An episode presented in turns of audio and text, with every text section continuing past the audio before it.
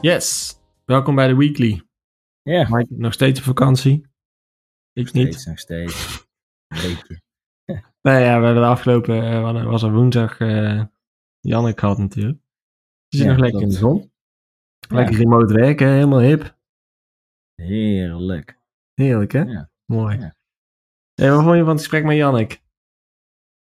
Ja, le- leuk. Wat ik, eh, sowieso vind ik Janneke een heel leuke gast. Maar hun team is ook gewoon eh, echt hardcore developers, eh, zeg maar. Ja. Ze zitten daar met eh 30 man of zo.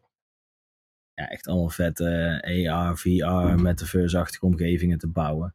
Eh, daar zijn ze best bescheiden over, maar dat doen ze wel echt op, eh, op, op wereldniveau. Dus echt gaaf om te zien. En Mhm. eh, ik zag ook al dat ik uitgenodigd werd voor een hackathon om eh, naar die Apple Vision Pro eh, te gaan kijken van wat er allemaal mogelijk is qua sensoren. Dus dan zie je ook, dat duiken ze meteen eh, helemaal op.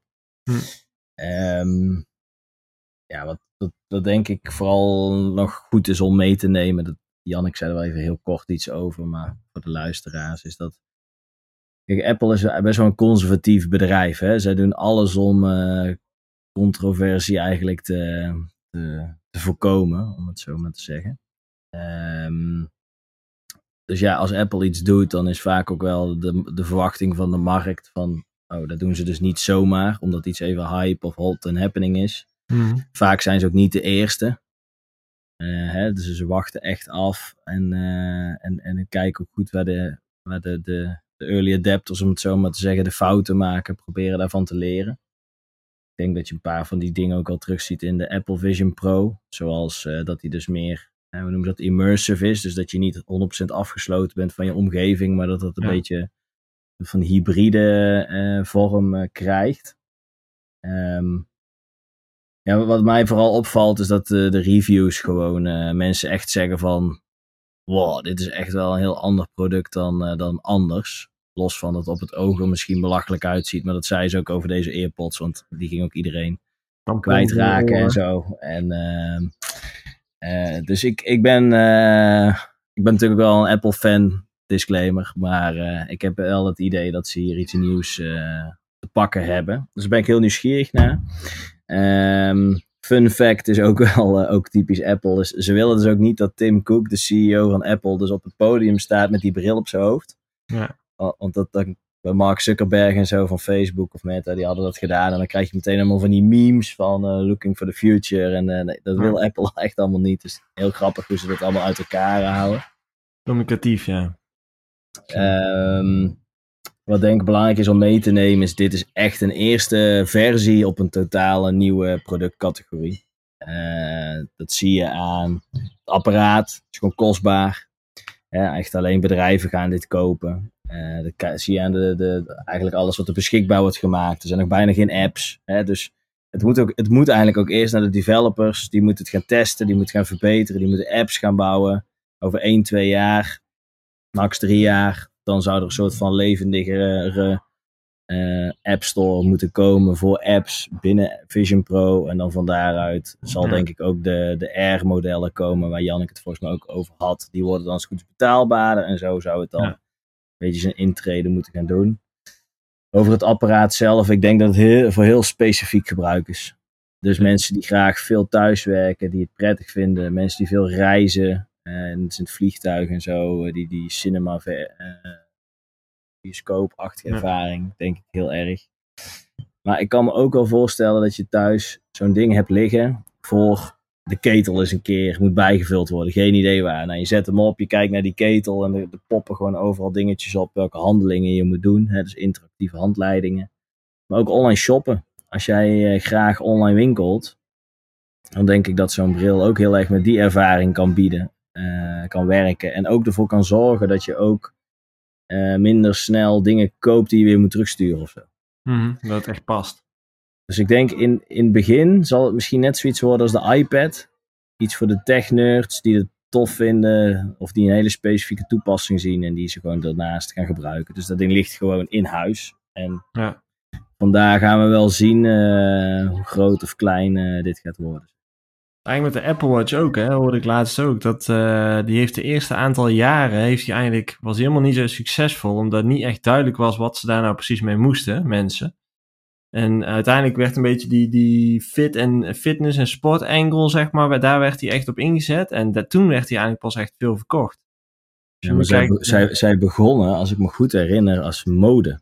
Ja, ja zeker. al die kleuren bandjes en je had zelfs een, een, stalen versie en een gouden versie en een titanium versie of zo. Dat was echt meer op de horloge-industrie geënt. Maar uiteindelijk bleek meer de fitness-industrie volgens mij het antwoord. Ja, dan zie je dus toch inderdaad dat doordat developers mee aan de haal gaan en dat mensen hem gaan gebruiken, dat dan pas eigenlijk duidelijk wordt van hé, hey, waar, waar voegt dit waarde toe, zeg maar? In welk deel van mijn leven eh, doet dit iets? Dus ja, misschien met die bril inderdaad ook. Misschien denken we nu dat we de film op gaan kijken, maar ben je straks vooral uh, aan het kijken of je plant dood is, ja of nee, en zo ja, hoe je hem nog kunt redden. Toch? Ja. ja dat is allemaal, ja, dat is ook allemaal van die apps voor uh, waar je zo met je telefoon uh, dat je hem ervoor moet doen. En dan kijkt hij wat voor kleur blad hij heeft en zo. Nou, dat kan zo'n ding ook natuurlijk goed doen. Dus, uh, nou, ik ben, ik ben al, ik vind het wel vet. Ik heb er wel zin in. Dan een aantal nieuwsdingetjes deze week. Eén best wel belangrijke voor mensen die in Nederland wonen en die er goud geparkeerd hebben bij Binance. dat digitale goud wel te verstaan. Dat is ehm, misschien slim om die weg te halen, want uh, hun moeten Nederland gaan verlaten.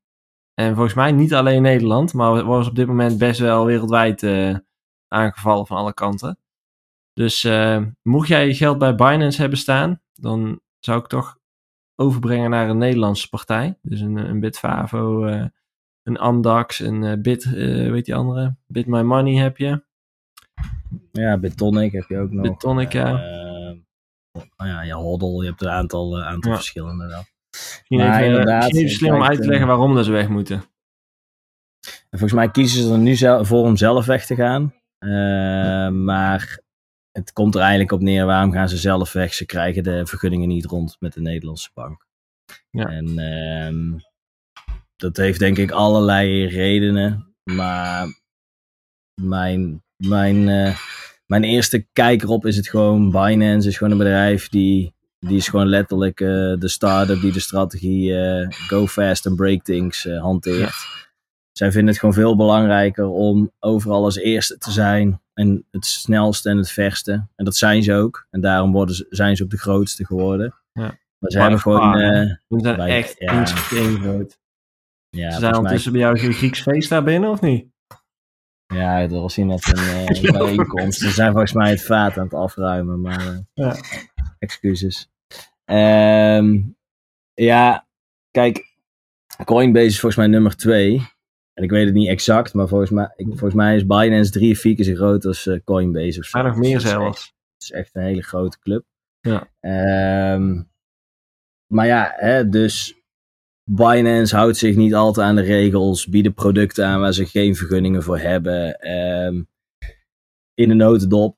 En dat is een soort van uh, iedereen zijn schuld. Hè? Want de, ja, Binance die houdt zich niet aan de regels. Maar de regelgevers waren ook nog niet zo ver dat er duidelijke regels waren. Zij gaan er niet op wachten. Dan beginnen ze toch. Wachten ze op tik op de vingers. Nou, er zijn ook wat geluiden over dat er ook dingen gebeuren die dus in de traditionele financiële wereld echt niet kunnen, zeg maar. Hè? Dus bijvoorbeeld dat je dus uh, geld van klanten gaat mixen met lopende rekeningen en zo. Um, wat er allemaal van wel of niet van waar is, dat weten we op dit moment allemaal nog niet. Maar in ieder geval, uh, die vergunning komt er niet. Dus zegt Binance, wij verlaten Nederland. Ik denk zelf wel dat het tijdelijk is. Want zoals jullie weten komt de MiCA-wetgeving eraan. Dat is de Europese markets uh, in Crypto Assets Regulation. Zo, even nadenken.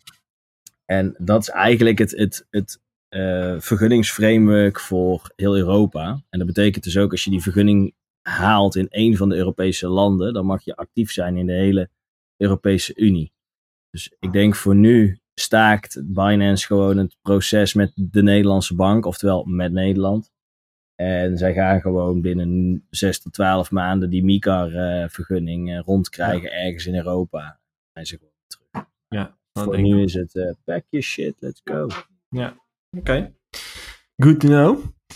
Dan een ander groot ding. De mensen die in crypto zitten hebben gezien dat er weer leven in de koers zit. Dat er weer uh, ja, beweging in zit na een hele lange tijd van toch wel gewoon uh, vooruitkabbelen. En daar, daar blijkt dus toch een, uh, een reden achter te zitten. En dat is eigenlijk dat traditional finance vooral deze week heeft aangekondigd dat traditionele financiële instanties, instituten, dat die eigenlijk een go hebben gekregen vanuit de Amerikaanse overheid om ja, crypto te gaan aanbieden aan hun klanten. En dan heb je het over, voor de mensen die het kennen hoor, maar BlackRock, Fidelity, Deutsche Bank en Santander. Zijn grote instituties. Ja, en dat is natuurlijk al een big thing.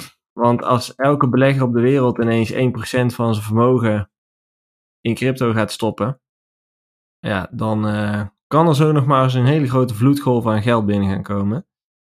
Dus uh, ja, er zit hier nog wel uh, een hele vleug aan speculatie in. Hè? Ja. Het is niet zo dat er een persbericht naar buiten is gekomen met een grote groene vlag erop met komt u maar.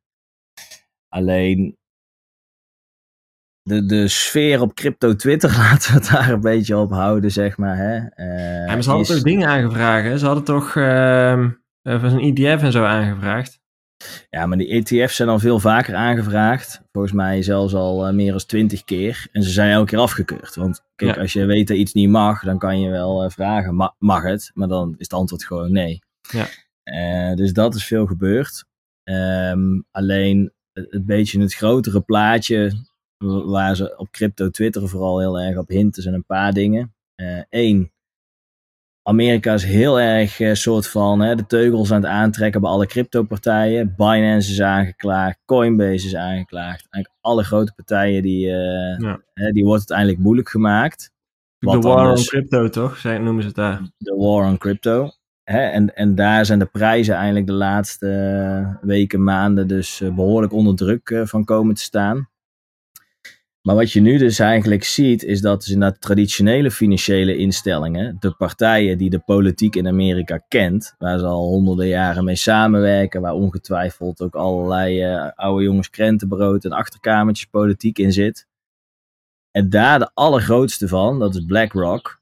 En die hebben nog nooit een aanvraag voor een ETF gedaan. Uh, ook een leuk feitje de aanvragen die, IT, die BlackRock voor ETF's heeft gedaan, was geloof ik hm. over de 500. En daar was er maar ooit één van afgewezen. Ja. Dus hun, hun succesratio is, is eigenlijk gewoon bijna 100%. Ja. En zij kwamen opeens, midden in heel deze storm met dat Binance en Coinbase en iedereen werd aangeklaagd, kwamen zij er opeens mee. Wij gaan een Bitcoin ETF aanvragen. Je even uitleggen wat een ETF is? Ja, een ETF is een Exchange Tradable Fund. En dat betekent eigenlijk dat je dus bitcoins kan kopen straks via uh, de AX of via ja. de Nasdaq. Dus gewoon op de beurs. En wat daar heel belangrijk aan is, is dat heel veel bedrijven, pensioenfondsen, family offices, institutionele beleggers hebben uh, nog geen mandaat om crypto te mogen kopen. Maar ze hebben wel een mandaat om te mogen handelen in aandelen en obligaties en fondsen. Dus door crypto naar de beurs te brengen, hebben eigenlijk al die partijen direct toegang tot crypto. Dus dat is eigenlijk de next big thing. En dat zorgt er dus ook voor dat er echt een vloedgolf aan uh, geld, althans dat het de verwachting erin gaat komen. Want veel van die partijen hadden misschien wel interesse, maar ze hadden gewoon niet het mandaat om het uh, te mogen kopen en ook de tools niet. En die komen nu. Nou, wat zijn dan nog de beetje de, de, de extra juice, om het zo maar te zeggen? Ja, een van die dingen is uh, dat er dus gezegd wordt dat al die grote tra tra uh, traditionele financiële partijen, zoals BlackRock, maar jij noemde ook al Fidelity, ook een hele grote, Deutsche Bank, een van de grootste van Europa, Santander, een van de grootste van Spanje, die gaan niet dit soort dingen doen, nadat er al twintig zijn afgeschoten, als ze niet te horen hebben gekregen, jongens, als je nu komt, we're open for business, dit mag. Ja. En het tweede juice point is dan eigenlijk dat um, als je kijkt naar de aanvragen van die institutionele beleggers, dan vragen zij dus ETF's aan, geloof ik, rondom vier assets. Uh, waarbij uh, de belangrijkste twee eigenlijk zijn Bitcoin en Ethereum. Mm -hmm. Dus in de wandelgang op Twitter hoor je ook een beetje van nou, het feit dat alleen die worden aangevraagd, zal mogelijk ook betekenen dat dat degene zijn waar dus een oké okay voor is gegeven. Dat zou dus ook betekenen dat Ethereum dus geen ehm, security is. Geen aandeel is, waar we het in het verleden ook over hebben gehad. Hè? Want de hele discussie die ook gaande was, is van is nou een, een, een crypto-munt, of hoe je het noemt, is dat nou een, een commodity? Is het een goed, zoals goud of olie of graan? Ja. Of is het een aandeel, zoals Oracle of Facebook of Apple? En, ehm, en daarmee verandert ook een stuk van de reguleringsvraag. Dus opvallend is, alle crypto, één, alle cryptobedrijven worden soort van neergehamerd. Twee, tegelijkertijd komen alle traditionele partijen, waarvan dus de grootste ter wereld, die komen in één keer in een week tijd allemaal tegelijk naar buiten. Dat ze zo'n aanvraag doen om een soort van crypto naar de traditionele beurzen te brengen. En drie, kijken naar die aanvraag, dan zie je dus dat het allemaal beperkt is tot twee tot vier van die coins, namelijk Bitcoin, Ethereum en geloof ik nog Bitcoin Cash en Litecoin, maar dat zijn eigenlijk afgeleiden van. Bitcoin. Ja, Grappig. dus dat zijn dat ze waarschijnlijk automatisch ook proof of work, dus commodities. Hmm. Maar goed, luister, laat je daar mij. Nee, laat maar, dat is advies. Doe lekker waar je zin in. Ehm ja, en als aller, allerlaatste had Jerome Powell, en dat is dus de, de grote baas van de Federal Reserve, oftewel arguably zeg maar de meest machtige man in eh, de financiële wereld, Hmm. die had in een, ehm, eh, in een bijeenkomst had hij dus gezegd dat crypto seems to have staying power. Ja. Oftewel, het lijkt erop dat crypto eh, hier is om te blijven. En dat is een heel andere toon dan die we normaal van hem horen. Normaal is het eh die. Precies. ja. O- oftewel, het lijkt er een beetje op ehm, dat er echt eh, toch een soort van eh ommekeer is plaatsgevonden vanuit Amerika. En ook nog, schiet me ook nog te binnen, volgens mij werden stablecoins daar ook specifiek in benoemd. Dat stablecoins dus ook oké waren. Hm. Er zal ongetwijfeld regulering en alles omheen komen, Ja, maar ja. dat, eh, dit allemaal opgeteld, eh, daarom gingen de koersen opeens. eh, Grote kans dat eh ome, ome Jerome toch ook even zelf wat bitcoins heeft opgeladen voordat dit nieuws allemaal naar buiten kwam. Zie ik zo maar gebeuren. dat doen ze. hè. Zo zijn ze. Ja. Dan eh, nog even een klein, ja wel een groot dingetje, maar daar gaan we het niet al te lang over hebben. Is weer nieuws vanuit kamp Nike. Dit keer eh, een samenwerking met Fortnite. Een van de, misschien wel de grootste game op dit moment. Ik denk zelfs dat het de grootste game is. Ehm hun hebben namelijk een samenwerking aangekondigd in combinatie met die eh, Dot Swoosh. Hè? Dus Dot Swoosh is, de, is een, is een Web3-tak van, eh, van Nike. Daarin hebben ze één of twee weken geleden die schoenen gelanceerd. Toch? Ja, ja, vorige week volgens mij de Air Force One. Ja, Air. Force One. En nou hebben ze dus aan, aankondiging gedaan dat ze met Fortnite dat je die producten kunt gaan dragen in de game, toch? Ja, volgens mij wel. Ik, ik zit hier in mijn tent. Ik moet me nog even helemaal in verdiepen. Ja. Maar eh, daar lijkt, Ja. ze hebben een soort hele eigen wereld gebouwd. Waar Precies. ook een soort spel in zit. Waardoor je, waarmee je dus op zoek kan naar ehm, ja, een soort gamification. Hè? En waarmee je dus op zoek kan naar eh, speciale collectibles en dat soort dingen. Ja. Grappig genoeg wordt het dus niet zo genoemd. Dus het lijkt gewoon een game van Fortnite en, eh, en, Hm. eh, en Nike. Samenwerking met Nike. En Epic Games, dat is volgens mij de game studio achter Fortnite. Die Mhm. zeggen eigenlijk ook van ja, wij zijn gewoon een soort technologietak. En eh, ja, wij zijn niet per se voor of tegen NFT's. Wij Ja. bieden het gewoon aan, doe ermee wat je wil. Ja, maar wel tof om te zien dat er zo'n zo'n grote samenwerking is. Ik ben wel benieuwd hoe dat eraan toe gaat. Ja, en het feit is dat, want Nike had eh, twee weken geleden aangekondigd dat ze met EA Sports gingen samenwerken. Mhm. Hè, dus dan heb je dus al EA, je hebt Fortnite, je hebt een soort van in het midden Dot Swoosh als, als platform. Ja, ik denk dat het, het, e- een van de eerste dingen die je nu denk ik gaat zien is eh, Doet hij het? dat, eh, ja hij doet het ja, je bent nu live met 200.000 mensen. Ja? Ja.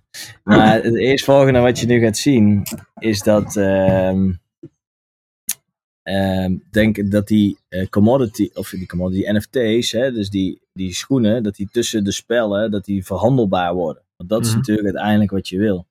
En draagbaar. En draagbaar. Ja. Campings zijn awesome. Ja. Luisteraar. Campinggasten lekker, overal, toiletrolletje, onze scha onze elksel. Lekker. eh, ja, precies. Maar eh, ja, wat mij betreft was hem dit weer voor deze Ja. week.